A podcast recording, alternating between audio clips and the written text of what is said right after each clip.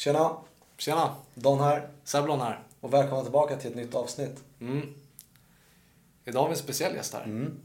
Faktiskt vår första gäst som har hört av sig till oss och ville vara med. Och det är, det är jävligt kul. Hej Mattias! Mm. Hej! Hej! Tack för att jag fick komma. Ja, men tack för att du ville komma. Ja. Eh, självklart. Mm. Eh, jag tycker att det här är extremt viktiga frågor att prata om. Så jag försöker vara med i allt som finns. Mm. För, just för att då försöka sprida det här så mycket som möjligt. Så när jag såg er så blev jag väldigt intresserad. Först ja, det ni gör, men framförallt att, att ni är unga Mm. och håller på med det här. Så, så jag vill ju veta lite om er också. Ja, men jag förstår. Men eh, ska vi köra igång? Ja, men det gör vi. Häng med. Yes. Yeah, yeah.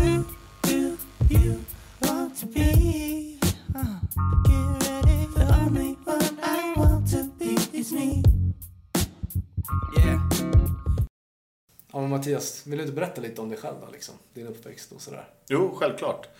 Eh, Mattias heter jag. Eh, jag är nykter narkoman, alkoholist, sedan eh, ja, drygt 17 år. Jobbar som alkohol och drogterapeut. Eh, och brinner för de här frågorna. Eh, det vi pratade lite om innan, just liksom tabu kring ämnet och, just förebyggande också. Att, eh, jag jobbar ju egentligen mycket med de som redan har fastnat. Eh, Men det är ju ännu viktigare att jobba med dem så att man inte fastnar i det. Mm. Men, men, men jag är egentligen en helt vanlig kille. Jag kan inte sitta och säga att jag hade en tragisk uppväxt eh, eller något sånt där. Jag är uppvuxen i Bromma. Eh, Mamma, pappa, två systrar, villa, vovve, Volvo. Eh, landställe, en, en liten båt. Alltså allting egentligen. Eh, det jag vet, vet idag, när jag själv har liksom gått behandling, terapi och jobbar med det, är att, att det här är ju också en genetisk överförbar sjukdom.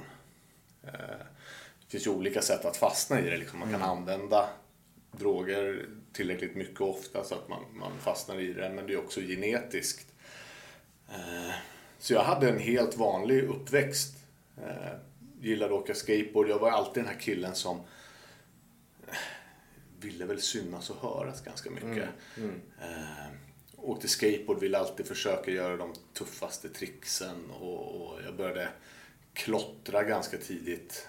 Eh, när jag var runt 12-13, jag var slutet på 80-talet. Eh, och, och fick en kick av det här. Eh, liksom att synas, att vara någon. Jag kunde se min egen tag på tunnelbanan och det gav mig en liten kick. Jag förstod ju inte då att det här var liksom en del av beroendepersonligheten. Men man kan säga så här, allting jag gillade gjorde jag 110 procent. Sen gjorde jag den, och jag, jag var inte speciellt, alltså, jag gjorde den klassiska resan egentligen med, med, som de flesta gör med alkohol och droger. Nyfikenhet, eh, gillade att testa gränser. Det, första som jag stoppade i mig som var sinnesfrämmande var ju, var ju alkohol. Ehm, och ja, fortsatte väl liksom dricka. Eh, jag kan inte säga att jag blev beroende av det, utan jag drack som alla tonåringar gjorde. Testade och sniffade sprayfärg, gjorde vi, vi som höll på med att klottra. Just liksom för den här spänningen, kicksökandet. Eh, jag provade att röka marijuana, för det var ju också så här, det är ju ingen drog, det är en, en urt. Jag vet, det- den mentaliteten hade jag. Eh, jag gillade inte effekten av det. Eh, provade att röka hasch. Eh, gillade inte effekten av det heller. Och allt annat var jag ganska ointresserad av. Men, men alkoholen fanns alltid med där. Eh, och vi festade och begick småbrott. Eh, liksom allt från att sno en cykel till sprayburkar till, till ja, det blev bilstöld. Och, och gjorde inbrott på liksom, lokala tobaksaffären. Mest bara för själva kickens skull. Det här ruset. Ja, precis. Eh, för det enda vi tog där var liksom tuggummi och godis. Och kanske lite cigaretter och snus. Ja. Eh, Men det var ingenting som handlade om pengar eller någonting. Nej. det var ja, kicksökande. Eh, Så det var liksom första beroendet jag hade, bara att söka de här kickarna. Eh, sen trillade åren på och jag hade några kompisar som hade börjat prova liksom amfetamin och ecstasy. Och, och jag var väldigt liksom, negativ. Jag ville liksom inte riktigt så här. Men jag såg att de tog och blev ju liksom jätteglada och dansade. Och så här, och, och, den effekten tror jag smittade av sig. Jag ville nog känna som de kände för de verkade ha så jäkla kul och de pratade ju bara positivt om det. Så jag provade jättelite. Liksom, tänkte så här, men jag tar bara pytte, pytte lite så här, för det där kan ju vara farligt. Eh, Det jag inte förstod där och då var att pang, jag var, jag var nog fast. Eh, Och jag blev inte, jag brukar säga det till, till liksom unga människor som kommer in eller folk som kommer in i behandling som säger så här, men jag dricker inte varje dag eller jag knarkar inte varje dag. Nej, det gjorde inte jag heller. Eh, Och absolut inte i början. Utan jag tog där, jag fick en jätteeffekt utav, utav det här amfetaminet. Sen kanske det tog två, tre månader, ett halvår tills jag provade igen. Det, det jag vet idag då med den kunskapen är att amfetaminet för mig kanske hade en starkare effekt än vad det hade på mina andra klasskompisar där och då. Liksom mitt dopamin rusade och, och jag älskade effekten utav det. Jag såg mig inte alls som beroende. Eh, Men däremot så var det inte lika roligt att dricka längre på helgerna. Utan jag saknade den där lilla extra, Extra, ja, effekten.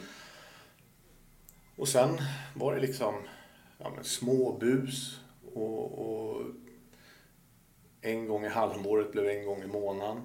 Eh, Och det här pågick liksom under tid. Jag flyttade till Norge. eh, Testade kokain också gjorde jag i samma veva. Och, och då blev det en ny aha-upplevelse. Eh, Och mina de här, men som man, man brukar ju ha små, små liksom gränser för sig själv. Jag var ju väldigt restriktiv när jag testade amfetamin. Nu började liksom de här suddas ut. Ja, men jag kan prova det och jag kan prova det. Det var liksom mitt logiska tänkande började liksom försvinna. Och som också är en del av, av beroendet. Att Oh ja. De här gränserna försvinner. Ja. Jag började med kokain. Eh, åkte till Norge för att eh, jag spelade i ett eh, norskt dödsmetallband och jag åkte snowboard. Så jag skulle dit och säsonga ett år. Sen, och då höll jag mig drogfri och nykter tyckte jag. Förutom att jag drack varje helg, jag rökte marijuana varje helg. För alla snowboardåkare de rökte marijuana. Och det, det lustiga med det här är också att jag rökte marijuana nästan varje helg när jag bodde i Norge. Och jag gillade inte effekten. Jävlar. Bara för att det var, så, det var så, i den lilla klicken jag hängde så var det så vanligt. Så att det var så här, ja men jag gör det också. För att ni gör det. Sen tyckte jag inte ens det var kul. Nej.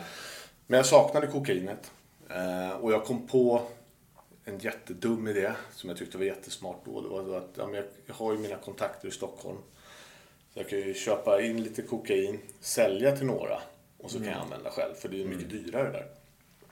Eh, Och jag gjorde det här, jag bodde i Trysil, en liten skidort. Gjorde det här ungefär ett halvår, sen dog skidsäsongen och då är det ju då är det väl typ 500-600 invånare kvar i den där lilla orten.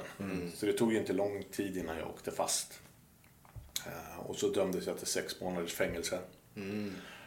Där och då blev det liksom så här att nej, nu, eh, nu måste jag sluta. Det här har ballat ur fullständigt. Hur gammal var du då? Det här var år 2000. Eh, Så 25 där någonstans måste jag ha varit. Ja, okej. Ja. Jag såg mig fortfarande inte direkt som narkoman för jag var inte, ja, jag rökte ju marijuana liksom lite grann och hade fortfarande den här inställningen att det var inte en drog. Det jag inte förstod då att det, påverkar ju samma liksom signalsubstanser i skallen oavsett vilken drog jag stoppar i Ja. mig. Jag är inte mer narkoman för jag använder den eller den drogen. Liksom. Nej, just det. Ja. Också en vanlig missuppfattning. Så här, men jag använder bara det där. Ja. Det blir som ett typ rättfärdigande. Ja, precis. Och det, jag manipulerade ju mig själv hela tiden. Men där och då bestämde jag mig, men nu ska jag skärpa till mig. Eh, Jag flyttade tillbaks, mina föräldrar hjälpte mig att, att, en lägenhet. Jag fick ett förstahandskontrakt i, i Fredhäll eh, här i Stockholm. En liten etta högst upp med balkong ut mot vattnet. Eh, Det var ju liksom Jävlar. Ja, det var ju så här, men en dröm liksom. Ja. Jag började jobba i min morbrors lampaffär uppe i Bodenplan. Och, och liksom, ja men det, familjen hjälpte verkligen mig och hade allt. Träffade en underbar tjej. Eh, ja, jobbade i den här affären. Eh, men började liksom sakta men säkert började använda igen kokain på helgerna. Och sen var det liksom onsdagar skulle ju vara after work. Så då gick man ut efter jobbet och, och sådär. Sen mörkade jag för den här tjejen jag hade då att jag hade problem. Hon jobbade på Carlsson Company hette det då. Det var en krog som låg uppe vid Hötorget. Så vi jobbade liksom om varandra så hon upptäckte ju aldrig mitt användande. Ja. Men den här after worken, det blev ju liksom, ja, jag knarkade fredag, lördag, onsdag. Sen blev det liksom torsdag, fredag, lördag, kanske söndag. Aldrig på arbetstid, för där hade jag liksom satt en gräns, utan alltid efter. Såg mig inte som narkoman. Det här började ju kosta väldigt mycket pengar. Så samtidigt så höll jag på då att begå småbrott, som jag kallade det för. Stjäla pengar från jobbet, allting liksom för att finansiera det här.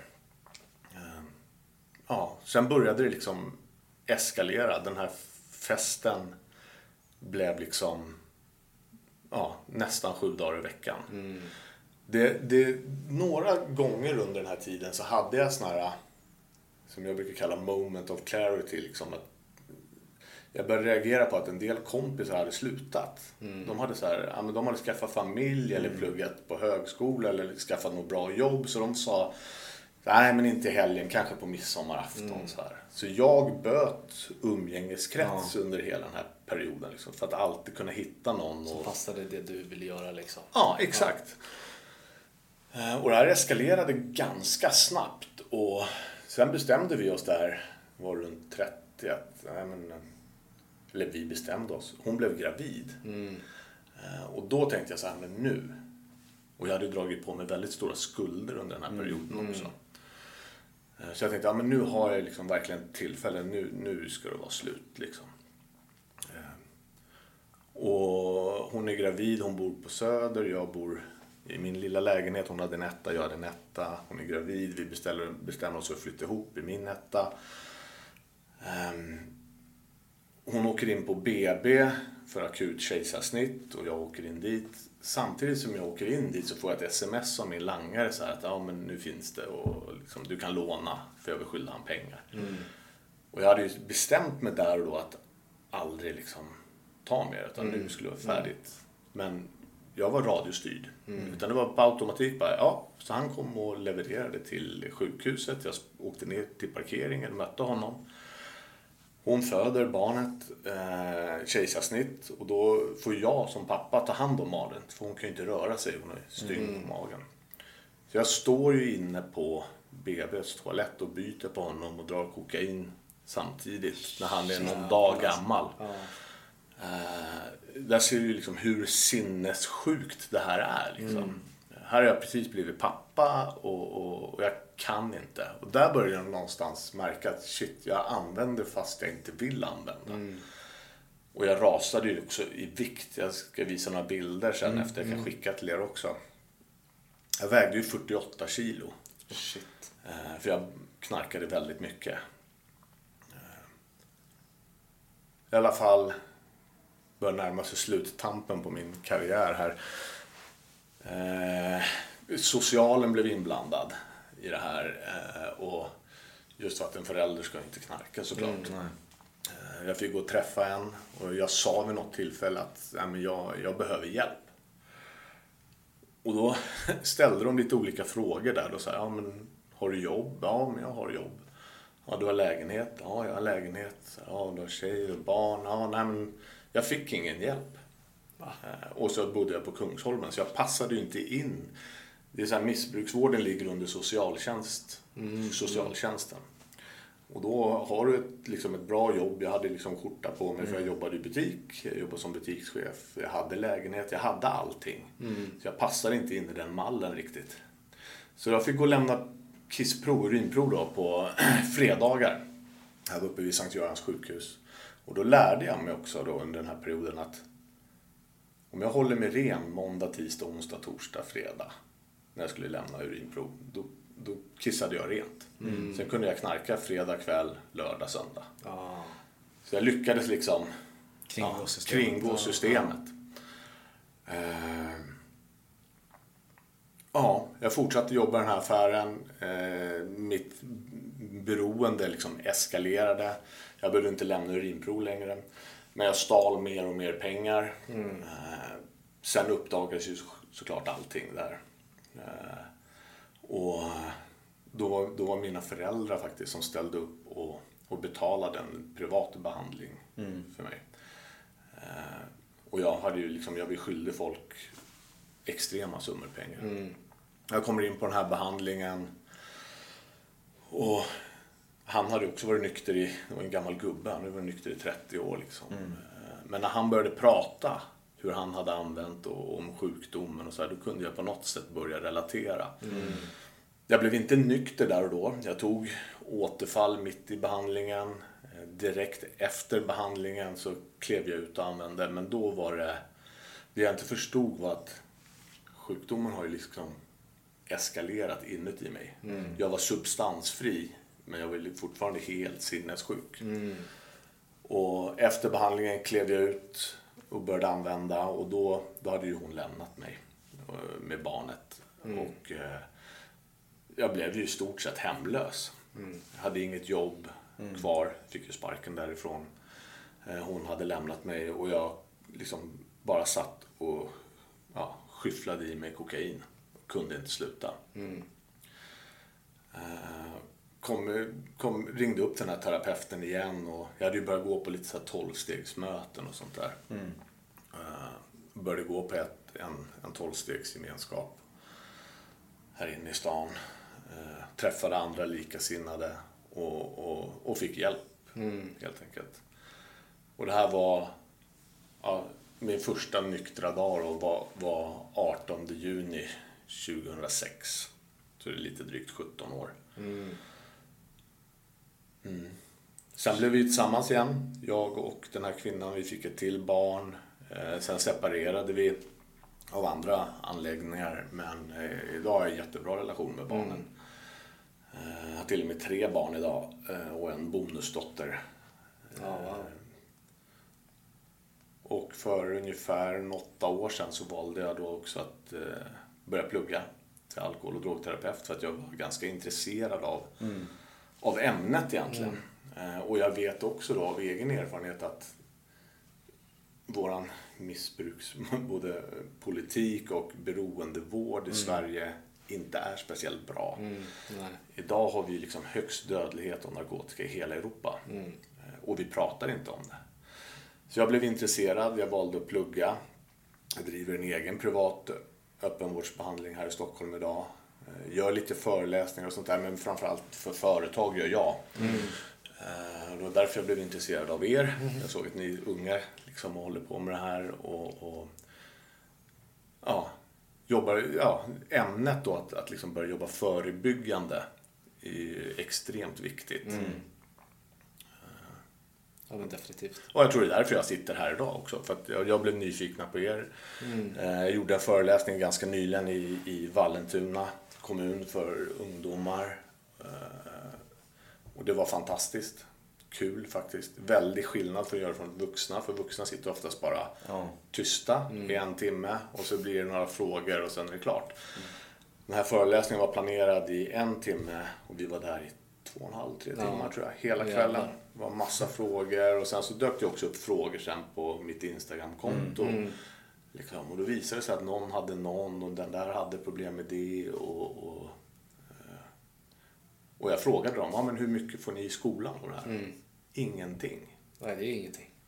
Och då blev jag så här, shit. Och då, och då har, det kan jag också säga, för det, det vill jag ska komma ut, att jag har varit i kontakt med kommunen för ett samarbete. Och när jag gör sådana föreläsningar för ungdomarna där, då tar inte jag ens betalt. Utan Nej, jag gjorde nej. det av Välgörenhet. Liksom. välgörenhet.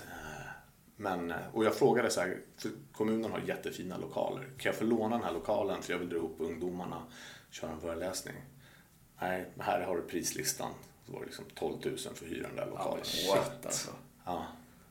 Man har ju samma mål liksom. Samma mål. Ja, men de ser mig säkert då som någon konkurrent eller någonting. eh, Ja, helt galet. Sjukt alltså. Ja. Shit. Ja. Mm.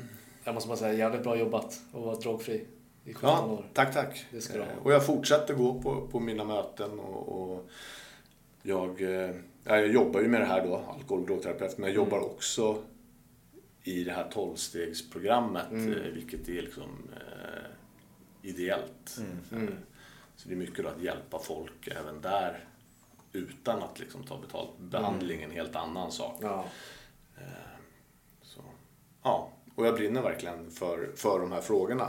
Så att, som sagt, som jag sa innan, det var när jag såg er på, på Instagram och bara det här, Mm. det här vill jag vara med på. ja, det var jättekul faktiskt. För jag, alltså jag tycker verkligen att fler ungdomar ska liksom engagera sig. Mm. Det blir så här... Jag tycker nästan det är typ kul när vi går ut och liksom pratar med folk Ja. och de ser att okej, men det finns faktiskt liksom folk som, Mm. som bryr sig liksom. Som är i vår ålder liksom. Mm. Mm. Så ja, det, det, det är riktigt kul. Mm. Ja, jag, tror, jag tror att det är där som är nyckeln. Jag, jag har en branschkollega nere i Sölvesborg bland annat som har något som kallas för Lotusmodellen. Han har Trygga klassen, Trygga föreningen och Trygga näringslivet. Och han jobbar mycket med de här förebyggande frågorna där nere. Att, att få ungdomar. Han har ju som någon slogan att liksom... Eh, ja, nu glömde jag bort vad, vad, vad, han hade. Men, men just det här med att få de engagerade ungdomarna själva i de här frågorna att vara med. Och han har ju också någon, en, en app vet jag som till föreningar då. Eh, som föreningen kan köpa en idrottsförening och så har du en röd knapp på den där appen. Om det är något, alltså du mår dåligt eller du är orolig för en kompis och så vidare. Så kan man liksom chatta med honom. Och jävlar vad smart. Ja, men då, då är det ju klart, då kostar det pengar för föreningarna. Men, men där tänker jag också så att där skulle man kunna lyfta, få företag att sponsra. De sponsrar ju med matchställ och till klubbarna. Om de kan lägga en liten slant på det här och det här liksom. Så det finns ju massa saker man kan göra. Ja, det gäller- gäller ju bara att ha idén och sen att några kommer in och Ja, hjälper till ekonomiskt. Jag tänkte lite på just där, ja, men din eh, droghistoria, liksom. Mm. ditt missbruk och sådär. Eh, tillgängligheten liksom, till droger Mm. på den tiden. Liksom. Mm. Var det lätt? Nej, alltså det där är ju någonting som jag eh, blir helt häpnadsväckande vad lätt det är att få tag i droger idag. Eh, när jag började, när jag skulle köpa min första liksom, lilla påse med, med marijuana, då var vi tvungna att åka upp till Blackeberg och möta en skum kille eh, vid tunnelbanan. Och det var liksom någons kompis, kompis, kompis. Så det här var ju liksom en vecka, två veckors planering. Vi hade ju inte mobiltelefoner då. Nej, just det. Och även sen när mobiltelefonen kom så liksom ringde du någon och så mötte någon skum lirare i någon bil någonstans i någon förort. Eh, Jag blev kontaktad av några föräldrar till några ungdomar i eh, eh, en skola i Bromma i alla fall. Eh, Jag hade träffat de här ungdomarna. Eh, De var 13 år gamla. De hade käkat ecstasy. Shit. Och jag, ja, precis. Exakt så tänkte jag. Shit, 13? Alltså, jag har en son som är 19, en dotter som är 16 och en bonusdotter som är, som är 10. Så jag var 13, då är, då är man ju barn. Och jag, jag körde lite information om vad ecstasy är och beroendesjukdomen och skadlighet och sånt. Men, men sen började jag faktiskt ställa massa frågor. För jag blev ny, hur fan fick ni tag i det där? Och då visade det sig att de följde något konto på TikTok eller någon sån här Ja, sociala medier. sociala medier Ja. där de gjorde reklam för det här. Eh, Att nu har det kommit, och det var en svensk sida då, så att nu har det kommit in bra grejer, bla bla bla, så här, DM för leverans.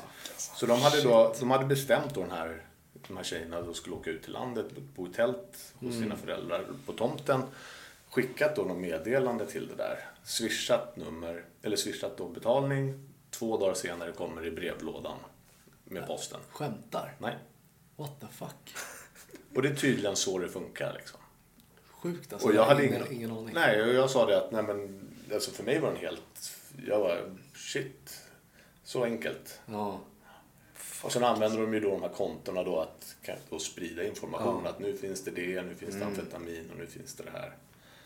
Ja, jävlar. Och sen har du ju också många internationella sidor. Jag ser ju på, på Instagram, när jag lägger upp saker så kan jag ju göra hashtag drugs och, och lite sånt här. Och då kan jag ju få reklam för liksom, ja, ekologiskt weed och finns det ju liksom sidor som håller på och promotar det där. Shit. Att ens de sociala medierna tillåter det också.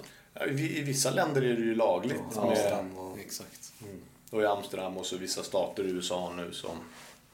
Ja, det är fan sant. Ja, för jag kommer ihåg liksom, för vi är ändå uppvuxna i den här generationen. Och jag kommer ihåg liksom när vi var yngre och man skulle köpa en spritflaska för första gången. Liksom. Det, var, det var lika lätt som det typ var med det här. Fast det här är någonting helt nytt som du berättade nu. Men då var det också liksom, det var en person som hade ett Snapchat-konto där det stod eh, vodka finns. Ehm, och så hörde man av sig. Mötte den personen i Vällingby och pröjsade 200 spänn för en Smirnoff-flaska liksom. Mm. Det var såklart, det var lite sketchy liksom, men det är, då var det också lätt. Så det är helt Alltså tillgängligheten är ju Ja. extremt lätt Mm. idag. När, när, när jag skulle skaffa sprit eller alkohol i tonåren så då, fick, då stod ju vi utanför bolaget vid Brommaplan eller Vällingby och, och liksom väntade tills det kom någon alkoholist. Och, så här, ja, men kan du... och ibland tog de ju våra pengar och försvann. och då stod vi där livrädda. Ja. Eh, men ja, så det var ju liksom hel, hela uppdraget var ju, var ju läskigt och spännande på samma Ja. gång. Du pratade om att eh, kokain var ju det du liksom fastnade för mest va? Ja, det blev, det blev min huvuddrog. Ja. Ja. Ehm, för jag har fått höra liksom att ja, men alla droger påverkar ju personen olika. Liksom. Mm. För jag, jag kan tänka mig att vi hade en annan som pratade om att eh, den, den gillade mer uppåtjagande droger. Mm. För att den själv kanske var väldigt låg som person vanligtvis. Liksom. Och då gick han uppåt. Hur var det för dig liksom? Du, ville du ha en mer uppjagande drog? ja, jag vill ju ha... Det var därför jag liksom nog inte riktigt gillade marijuana och, och hasch. Och sen har jag ju faktiskt provat de flesta nerotpiller. Jag har provat heroin en gång. Mm. Eh, då spydde jag som en gris. Så att Ja. jag, jag har aldrig gillat nerotdroger nå, någonsin. Jag har Mm. inte fastnat för det. Mm. Utan jag har ju gillat uppåt. Eh, Sen om, jag kan inte säga att jag var neråt som person. Nej, det, nej. Det, det var jag nog inte. Utan jag gillade nog bara liksom den effekten. Ja. Jag tänkte också det du pratade om, du gillar också med att det här kicken liksom. Ja. Jag var ju, jag var ju så kicksökande. Jag Ja. gillade ju fart, spänning. Det var jag som personlighet. Liksom. Mm. Och sen ville jag ha kontroll. Så jag gillade ju aldrig heller att vara för full. Mm. Så där blev ju kokainet en form av räddning på mitt alkoholmissbruk också. Att när jag Mm. blev full så kunde jag liksom balansera det med lite kokain eller amfetamin så att jag inte blev så full. Mm. Ja, men då förstår jag. Hur, hur, hur märkte du liksom hur... Vad blev det för skillnad när du tog drogerna liksom? Typ kokain till exempel. Nej, men i början, i början som med alla, eh, som med alla droger liksom, så, så fick jag en positiv effekt. Mm. Ehm, och, och, så jag hade ju jättekul i många år. Ehm, och, och Ja, jag, blev jag blev ju en glad kille helt enkelt. Mm. Eh, och partade och sprang runt och var ju liksom stissig och, och kunde stå på dansgolvet i timmar om vi var på något uteställe och sådär. Eh, men sen med tiden så, så försvann ju det där. Eh, då började jag få så här paranoior så jag vågade ju inte gå ut. Utan då satt vi hemma hos någon kompis och ibland satt vi liksom i någon konstig lägenhet i Jordbro med bara fyra kill, liksom gangsterkillar i mjukisbrallor. Och det var så här, det var lite rätt obehagligt. Och- Och med tiden så började de här paranoierna bli mer och mer. Eh, Och, och jag isolerade mig mer och mer. Så jag kan säga sista åren, då använde jag själv i min ensamhet. Mm. Ja, okej. Jag tänkte om vi går tillbaka lite där med när du berättade om eh, ja, men just det här med föreläsningar i skolor och sånt och att en del eh, barn och ungdomar hade sagt att vi har inte fått så mycket information i skolan. Mm. Vi fick ju ganska mycket när vi gick liksom i grundskolan. Men när vi väl kom upp på gymnasiet, Mm. vad jag kommer ihåg så fick vi ingenting. Nej. Jag vet inte om det är för att kanske skolorna tror så bra om sig själva. För att jag vet om att den, det gymnasiet jag gick på, där förekom det droger. Mm. Nej, jag, jag, tror, jag tror att man måste gå djupare än så. Jag tror det har liksom med, med läroplan och system. Och, och det där märker man också hur mycket pengar både kommuner och behandlingsvård får att satsa på de här sakerna. Eh, När jag gick gymnasiet då kom det en, en, en kille dit och körde någon, någon form av föreläsning. Men jag kunde inte relatera överhuvudtaget. Eh, hur gammal är på gymnasiet? 16, 17, 18? Ja. Och han kom dit, han hade väl typ tre tänder och liksom pratade om heroin och allt. Liksom. Och, alltså, jag var så här, men jag drack bärs och rökte lite marijuana. Ja. Hade någon sån som er kommit, ja, men då har jag ju lättare att relatera till. Än om det kommer, ja, Ja, men precis. Ja. Så jag kunde inte... Så, så det är också viktigt att man har bra föreläsare. Eh, Men sen tror jag att, på svaret på din fråga, så tror jag att det har med, med pengar och vad som det satsas på i skolan och, och i vården och, och sådär. Att det där går lite upp och ner. Snart hoppas jag väl att, eh, med, med tanke på hur siffrorna ser ut i Sverige med, med dödlighet inom narkotika och så all kriminalitet runt omkring och sådär så hoppas jag att det kommer en tväromvändning. Mm. Ja, det hoppas vi också. Väldigt ja, snart. verkligen. Helt sjukt vad som försiggår. Har du någon aning vad det, vad det är för siffror liksom? Vet du det? Eh, ja, nej, inte i huvudet. Jag har det på Nej. Mm. min powerpoint. Där har jag massa siffror. Jag vet att vi har högst dödlighet i hela Europa Mm. till följd av narkotika. Sen är det ju vissa länder som kanske inte rapporterar in på samma sätt Mm. som andra. Så att en del som och hade du frågan om politiker då hade de sagt nej, inte riktigt. Men, det, här är, det här är ju alltså en organisation Ja. som finns över hela Europa som gör de här mätningarna och det är Ja, samma mätningar. Eh, sen har jag också rätt intressanta siffror på om vi pratar om, om psykisk ohälsa och sådär. Så i, gjorde de ju faktiskt mätning av amfetamin i dricks, eller avloppsvattnet i varje land runt om i Europa. Och Sverige stack ju ut med hästmängder. Åh fan. Eh, Och då började man så här, okej nu måste vi mäta, mäta dem i flera städer. Och då visade det sig att lilla staden Mora till exempel, de hade mer amfetaminhalt i vattnet än vad Madrid har. Madrid har ju fler invånare än hela Sverige. Shit. Och då började man tänka så här, vad f- det här kan ju inte stämma. Knarkar varenda svensk. Men då visade det sig att det var ju ADHD-medicin som skrevs ut. Just det. Och då visade det sig sen också att vi är ju det land i Europa som skriver ut mest ADHD-medicin. Så jag tror att allt sånt här har... Det har blivit en sån alltså, enorm negativ spiral. Och, och man försöker hitta quick fix på saker. Att liksom, ja, men, du mår dåligt i skolan, du har koncentrationssvårigheter, du går till läkaren. Ja, men okej, du provar de här och så klart som fan du mår lite bättre. Och så kommer du köra på de där. Eh, Så att jag tror att man måste göra ganska stora kraftomtag. Ja, ja. verkligen. Jag håller med. Det är lite som vi har pratat med några gäster om just det här med liksom Ja men till exempel typ Alvedon. Har du ont i huvudet då är liksom vissa, vissas lösning är ju ja men jag tar en Alvedon. Mm. Men det är liksom, det lägger bara som en liksom hinna över själva problemet. Än att kanske, okej men hur mycket vatten har jag druckit idag? Har jag saltbrist? Vidare. Vitaminbrist. Vitaminbrist och så Hur vidare. sover jag? Hur äter Ja. jag? Vi, ja. Nej, men det, är- det är precis right on point. Är- vi, vi försöker ju hitta så här quick fix på alla våra problem hela tiden. Och, så- ja. Och sen samma sak med, med det här att, att det liksom inte pratas om det. Skolan får ingen utbildning utan det måste dras igång organisationer som, som brinner för det här. Eh, och det kommer ju få tyvärr negativa konsekvenser i, i långa loppet. Och det har vi ju sett nu ett tag. Verkligen. Vad skulle du säga liksom är... Nu vet man ju om att det finns alltid olika anledningar till att folk börjar använda droger. Liksom. Mm. Men har du någon aning om liksom vad... Kanske en... Ja, men vad, vad skulle vara den största liksom... Eller vilka faktorer finns det till att människor tar droger? Vad tror du? Jag tror det är väldigt många och väldigt olika. Men eh, för mig var det nog nyfikenhet. Eh, jag hade ju liksom ingen plan på att nej, men jag ska vara tandlös och bostadslös när jag... Nej, det är klart. Eh, nej, för mig var det nog bara nyfikenhet. Mm. Att jag hade det här i mig. Liksom. Idag vet jag att, att för mig i alla fall var det så. Jag, jag har ju anlag. Mm. Jag har det i släkten. Men hade det pratats om det, då kanske jag hade varit väldigt försiktig. Om jag hade fått veta liksom, okej, både morfar och farfar var alkoholister.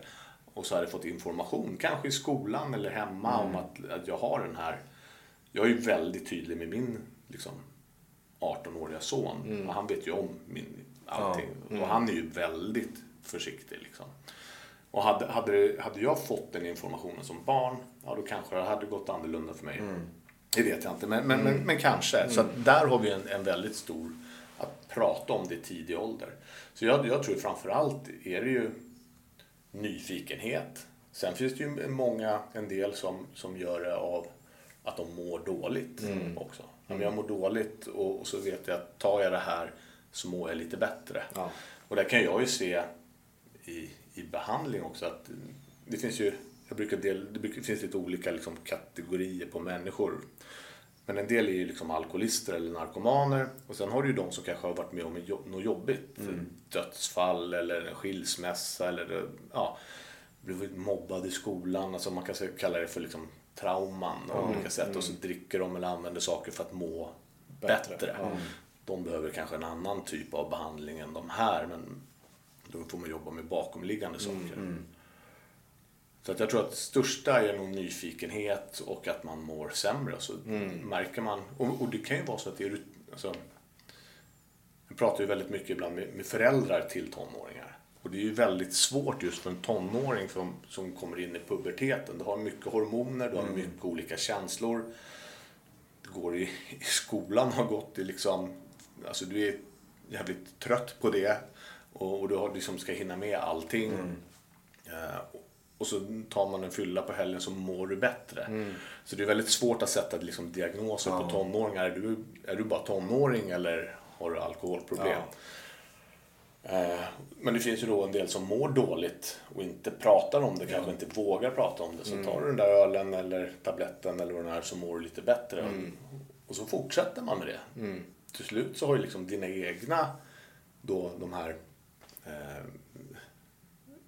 dopaminet och det här som gör dig lycklig och glad. Det har ju liksom börjat tagits bort. Så det enda du kan sätta till är ju liksom kemisk lycka. Och då har du ju fastnat. Ja, det är jävligt synd alltså. Jag hörde, jag hörde era, eh, jag lyssnade på en föreläsning på Youtube tror jag det var som er kollega eh, hade Bruce kört. Ja, han, han jämförde, jag tyckte den var så klockren jämförelse med Mariana och en godispåse. Ja. Ja, men kan du liksom ta två, tre godisar och så slutar du sen? Och, och säga, nej men det kan jag inte. Nej, då ska du inte prova Mariana heller. och, och det stämmer ju så, så bra liksom. Nej, men jag ser det. Att man, man tappar kontrollen där liksom. Ja. Ja. Ja. Och jag, jag har ju den här beroende personligheten. Alltså fortfarande idag kan jag ju hålla det i schack. Men jag kan ju liksom, när jag blir sugen på glass då kan jag ju ligga och käka glass en kväll tills jag ligger i fosterställning i soffan. Så mina barn när de var små, när det var kalas, de ville ju alltid åka och handla till kalaset med pappa. För jag överdrev ju såklart allting. Liksom. Ja. Det är lite som jag alltså. Jag, jag har ju sagt det till dig flera gånger. Alltså, när, jag, när jag käkar godis. Ja. Alltså, det är, sen när jag går ner och liksom köper en liten KitKat. Liksom, det är, tror jag, kan, jag kan lätt dra i mig en eh, 200 gram Marabou och en hel chipspåse själv. Alltså. Ja. Det Ja. och sen ligger jag där. Sen finns det inget stopp och sen efteråt så undrar man fan vad onödigt. Ja. Som är jättedåligt. Och precis samma sak brukar jag jämföra med alkohol och droger. Att, så, ja, men, han eller hon drack för mycket på midsommar och sen så ligger de bakis på söndagen och säger de, ja, men aldrig mer igen. Och sen går det en vecka eller två och så pang tillbaka till Ja, det det där. har man sagt många gånger. Ja. Just det här med liksom, som du pratade om innan, det här med alkohol och kontroll.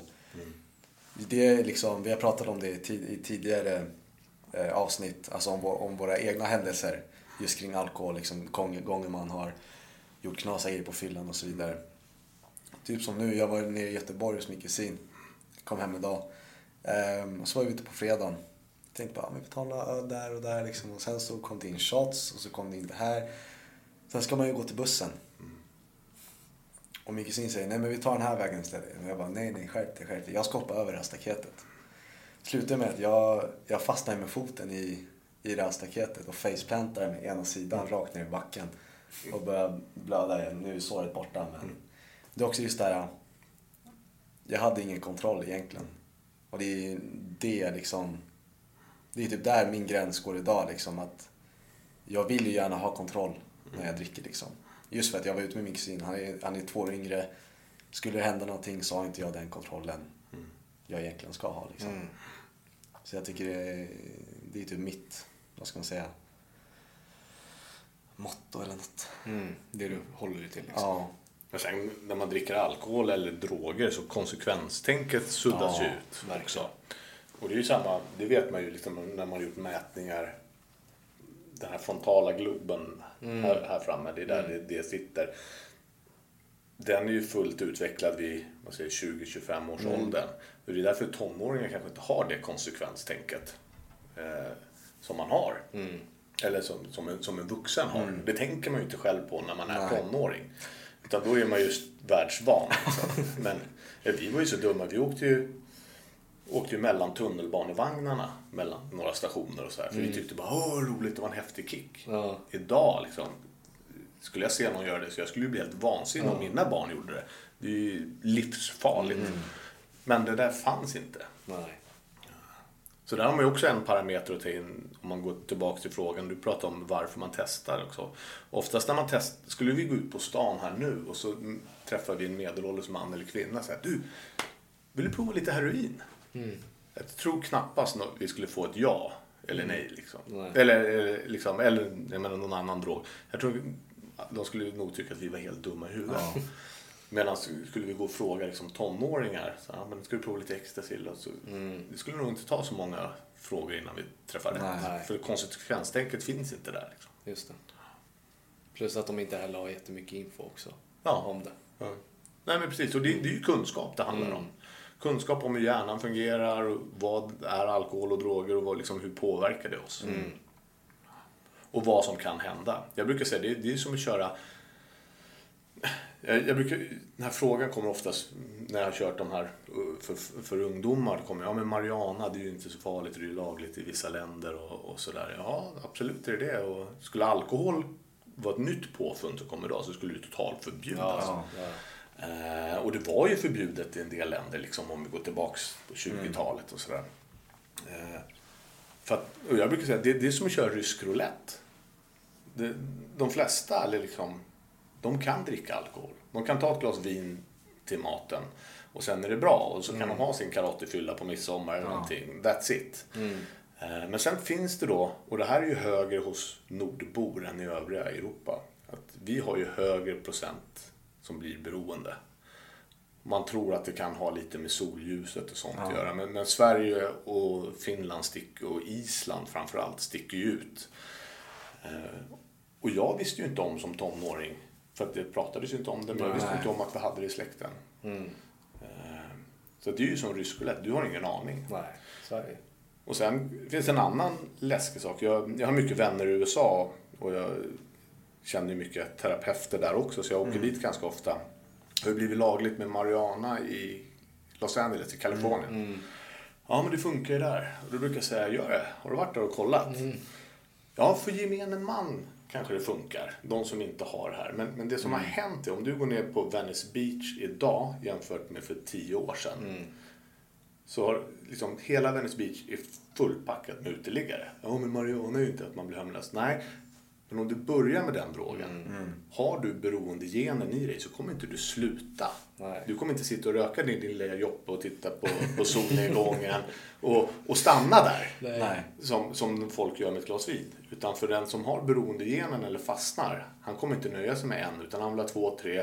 Sen kan det där vara olika tid för olika personer. Men det kommer liksom Plus eskalera. att marijuana är oftast en ingångsdrog för tyngre droger. Men det är precis. För, för den som är, är, har de här anlagen. Han stannar ju inte vid sin marijuana. Eller som jag, jag, jag, varför stannade inte jag? Hade inte jag nöjt mig med min, min fylla? Nej, för jag hade de här anlagen. Och jag provade marijuana, jag provade allting tills jag hittade det som gav mig den effekten jag älskade.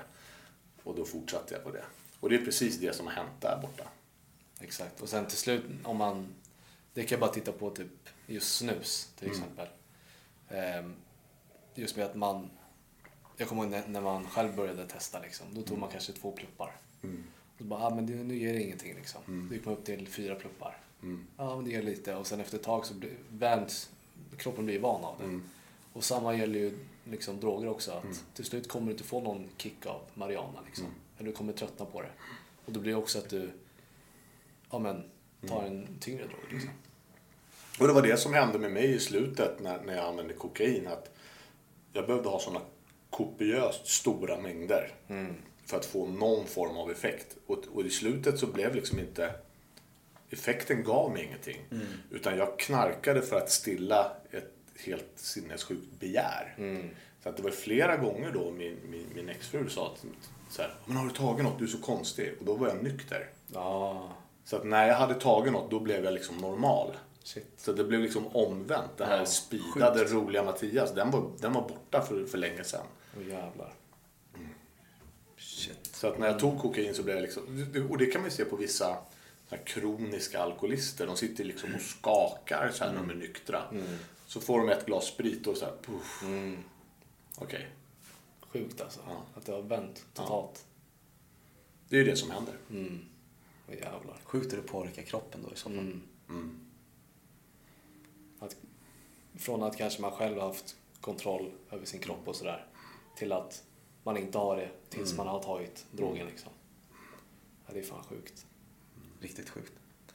Men eh, hur... Eh, hur stä- du har, du har, du har... Shit vad? Du har ju några barn nu. Hur... Eh, har de berättat någonting så för dig om historier, liksom hur, hur det ser ut i skolorna eller och så vidare? Uh, oh ja, det har, det, i alla fall min son. Han, han är ganska liksom... Vi, vi har en bra, vi har bra surr liksom.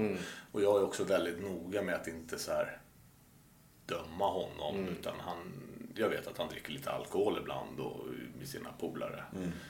Det, ja, han är ju 18, jag kan ju inte säga någonting. Men, jag, är hellre, jag är hellre den pappan som är så att han ska ha förtroende att kunna ringa och prata om det händer något än att jag står där med pekpinnen.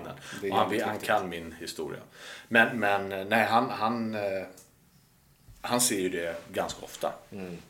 Faktiskt. I, I skolan har- vet jag inte om han har sagt något, men i alla fall fester med klasskamrater på gymnasiet.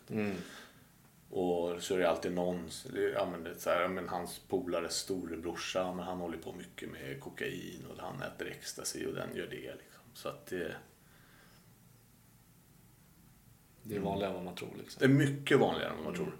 Alltså jag skulle säga när, när, jag, när jag skriver med gamla barndomsvänner ibland på så Facebook eller Instagram, för gamla klasskompisar. Då är det så här, ja men vad kul att det har gått bra för dig. Ja, ni var ju en liten klick som var busiga. Och det var så det var. Vi var, vi var liksom sju, åtta personer som var busfröna i, i, de, i, den- liksom, ja, i Ängby och Vällingby och, och sådär. Som ung. Resten var liksom ganska skötsamma. Så att det förekom ju inte på samma sätt utan det var liksom en liten klick. Ja. Eh, nu är det ju så vanligt och det är så enkelt att få tag i det. Ja, verkligen. Det är helt sjukt. Alltså jag kommer bara ihåg från grundskolan liksom. Och även då liksom, då är grundskolan, att man liksom ens behöver säga det att det är så i ung ålder. Då var det liksom, ja, folk innan prov kunde gå och ta ecstasy eller röka på, röka marijuana liksom. Innan lektion kom de tillbaks. Och det märkte man ju direkt. Ja, det, är, det är helt sjukt. Vad, vad skulle du säga liksom är... Vi pratar lite allt möjligt. Kanske så här vad som behövs göras för att hantera det här liksom. Och det är, det är mycket grejer man måste titta på liksom. Men vad, vad skulle du säga är liksom en bra lösning att titta på? Jag, jag tror ju... Eh, alltså förebyggande arbete såklart. Eh, och framförallt få ungdomar engagerade i de här frågorna. Eh, Hur skulle man göra det då? typ så som ni gör. Eh, bjuda in till ja, men föreläsningar. Och sen uppföljning tror jag alltså, jag har gjort en del föreläsningar och sådär. Jag nämnde ju en tidigare. Eh, och det är ju jättebra där, fine där och då. Och de känns engagerade. Sen kommer ju det där, sen går, återgår ju folk liksom. till, ja men sen återgår ju de till sitt tonårsliv igen. Utan jag tror att få, få liksom ungdomar engagerade själva i de här frågorna. Kanske göra workshops. Ja, men du vet, eh, ingen läxförhör, men, men få dem de får skriva ner frågorna. Det jag brukar alltid göra det när jag föreläser. De får skriva ner frågorna anonymt innan. Så kan jag köra. Men de får skriva ner frågorna. Vad tror ni? Och så att man lyssnar mycket på ungdomar också. Ehm, Det tror jag är- är en del. Liksom. En ganska stor del. Och, och sen få in det här.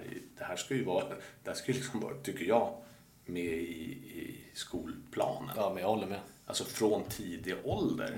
Och så, eh, jag har ju lite kontakt med, med Trygga Barnen som sitter här borta. Eh, De, de är ju duktiga på, på, på det de gör och de, liksom, deras statistik den är, ju, den är ju skrämmande hur många då barn som har vuxna som har alkohol eller missbruksproblem.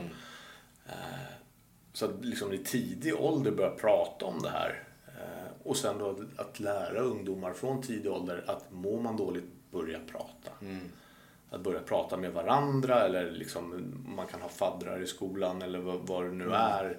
Men att man måste börja våga prata istället. Men som sa, man kanske är nervös inför ett prov, så jag röker en joppe innan. Så hade man haft med sig sen långt innan, men det kanske finns andra saker. Sen tror jag också mycket på idrott. Nu är det inte alla som gillar idrott, men, men det man vet är ju att idrott höjer ju liksom alla, alla känsloreceptorer i kroppen. Frigör endorfiner, höjer dopaminet. Eh, när jag gick i skolan så tror jag vi hade en timme idrott i, i veckan. Jag skulle säga så här, ja, men min son han gick hockeyskola, eh, högstadiet. Så de hade ju hockey och fys varje dag. Han gick ut skolan med, och nästan alla där gick ut med väldigt höga betyg. Eh, Och de har det i den skolan, en finsk rektor, han har jobbat i Finland. De har ju flera sådana hockeyskolor eller idrottsskolor. Det kan vara tennis eller fotboll eller vad det nu är. Eh, Och han sa det, men nästan alla har jättebra betyg. För du klarar att koncentrera dig mer i skolan. Så jag skulle säga med en timme idrott om dagen. Framförallt för killar. vi, nej, men vi behöver det. Eh, För att kunna sitta liksom och vara fokuserade. Eh, Så att jag tror att det är mycket saker. Idrott, hälsa och sen våga prata om det här. Och allting som har med, med, med liksom samsjukligheten kring ämnet och psykisk ohälsa. Att man liksom börjar våga prata. För det har typ gått och blivit idag lite typ, om man både med liksom droger och alkohol. Att typ, dricker inte du idag, då är du en tönt. Liksom, och det är samma sak om man typ pratar med ungdomar som ja, tar eller tar inte droger, så här, då är det också så här, ja, men vågar du inte liksom, det är, det är inte farligt. Så här. Det, det nästan blir liksom typ tabulagt. Och ens prata om det liksom. Och, och så, jag ska säga, så, så har det varit länge. Eh, och är fortfarande, alltså fördomar. Och, och det är så här, när jobbat som säljare också och mycket så här kundevent. Och alltid där, men ska du ha en öl? Nej, jag dricker inte. Och varför då? Och då blir det det stora samtalsämnet. Exakt. Det är så här, okej, nu, nu har vi det skevt redan från början här. Bara för att inte jag väljer att berusa mig, då, då är det något konstigt. Ja. Det är väl i sånt fall, jag brukar säga det till folk, så här, men om du behöver ett glas, jo den här sober afterworken som jag pratade om. Jag skickade ut ett lite normala polare som jag har också. De bara, men vadå, nykter AV? Vad är det för mening då? Jag bara, okej, Ja. det är ju rätt sjukt att jag får den frågan. Så att du kan inte ha roligt utan alkohol. Då är det ju någonting i ditt liv som är Mm. Ja. helt skevt. Liksom. Ja, ja. Ja, men det blir ju roligare med. Ja, det är, det är möjligt. Men, men det går ju att ha kul utan Mm. också. Verkligen. Så att jag tror liksom hela det ämnet liksom behöver Mm. man ju. Och jag tror också det är samma, jag vet inte om jag sa det i inspelningen eller om vi pratade om det innan, men vi är jätteduktiga på att ha såna galor om olika Ja. sjukdomar och sånt. Eh, Men det här ämnet så är det väldigt mycket locket på och det har Mm. varit det i alla år. Så jag tror att liksom, man måste nog börja på många ställen. Ja, men jag håller med dig. Samma här. Finns det något du vill säga till lyssnarna liksom? Till unga som lyssnar och tittar på oss. Ja, Något meddelande. Ja, men prova inte droger. Det, det skulle jag vilja säga. Eh, Som jag sa lite snabbt innan, det, alltså det är rysk roulette. Eh, Du vet inte, framförallt i tonåren, du har ingen kanske aning om att du har genetik för det. Det är liksom inget som syns utanpå. Nej. Och, mm. Nej men att, alltså de prova inte ens. Det, och sen kan de kalla det tönt eller vad, vad, vad som helst. Det är liksom, och, och jag har fått en fråga förut som jag tycker är viktig att ta upp också. Det är så här, ja, men vad ska jag göra om jag märker att min kompis tar droger och sådär. Ja, nummer ett, prata med honom. Om inte det funkar, ja, men berätta för någon. Ja, men, men jag vill inte gola på honom. Och så här. Då brukar jag säga jämförelsen så här att men om din kompis trillar ner på spåret, tunnelbanan, skulle du stå och titta på då för att du, du inte vill gola på honom eller skulle du hjälpa honom? Eller, eller se till att du, ja, hej, hjälp till här och få upp honom. Det skulle man ju göra. Ja. Och det är exakt samma sak när det kommer till droger. För du har ingen aning om den här killen kommer, eller tjejen kommer att fastna i ett missbruk och dö av en överdos eller knarka ihjäl sig. Eh, ja. Bra. Bra avslut. Det är viktigt att sträcka ut en hand liksom. Ja, och, och det är ju inte i... Personen kanske tycker att det är i...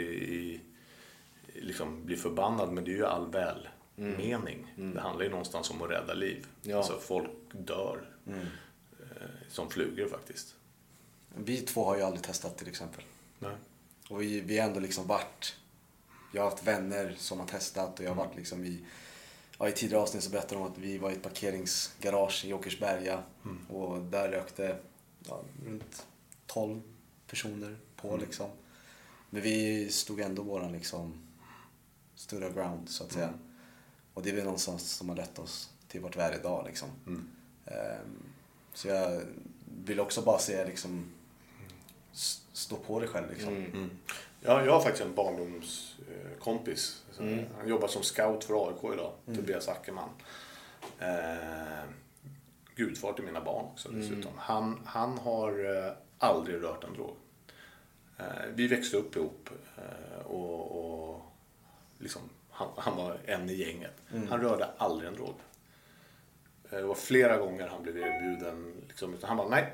Han hade det som liksom, så aldrig. Och, och till slut blev det så att tredje, fjärde gången då tröttnade folk på att fråga honom. Och då frågar de inte Så det var så här första gången, ja men då blev det kanske lite tjat och så här. Andra gången li, lite mindre. Men sen var det så här, ja men han, han är ingen idé att fråga. Och han sket i det liksom. Så att eh, precis som du säger, stå fast. Jag tror också det är viktigt för att det kan smitta av sig också. Ja. Att om du märker att någon annan, fan han står på sig för sin åsikt liksom. Fan det är bra. Då blir det också att man, man själv Man, vill man känna pushar det. varandra Ja. liksom, typ nästan undermedvetet. Mm. Ja, det är klart. Gör en alltså, och sen gör flera. Men då, då är vi ju tillbaka med grupptrycket den vägen istället. Så då blir det ju positivt. Exakt. Så att, eh, och idag skulle jag liksom, men som jag sa det här exemplet, vi går ut och frågar någon, folk skulle ju bara, men är du dum i huvudet? Eh, skulle ju folk säga. Så det borde ju egentligen vara det normala. Att, att, att om, om någon tonåring då så här blir erbjuden på fest här, men hallå, är, du- är du snygg eller? Att du vill börja knarka? Ja. men det är ju skönt. Ja, nu ja, men vem vet? Sen, jag liksom. vill inte sitta på den här parkbänken och kissa Nej. ner mig när jag är 45. Nej. ja men exakt. Ja. Vi uppskattar verkligen att du ville komma hit. Ja. Ja, och jag uppskattar verkligen att jag fick komma hit. Det har varit jätte, jättekul att ha det här. Ja. Och intressant att lyssna på din historia. Verkligen. Tack för att jag fick komma. Tack så mycket för att ni har lyssnat på det här avsnittet. Vi hoppas att ni tyckte det var lika intressant som vi. Mm. Och att ni fick ut någonting av det. Med det Mattias har pratat om. För det fick vi i alla fall. Ja. Så ta er, ta er en tankeställare Mm. och se om det valet ni gör liksom är, är värt det. Och om du behöver hjälp så nå ut till någon i närheten. Liksom. Mm. Det finns, finns hjälp att få. Och ja, glöm inte att vi har en webbshop Mm. Som vi säger i varje som vi tjatar om. Men tröjor, lite armband tror jag det finns. Mm, Ja. allt möjligt. Och eh, ja, glöm inte att följa oss på sociala medier. Mm. Vi heter I say no drugs överallt. Mm. Okej.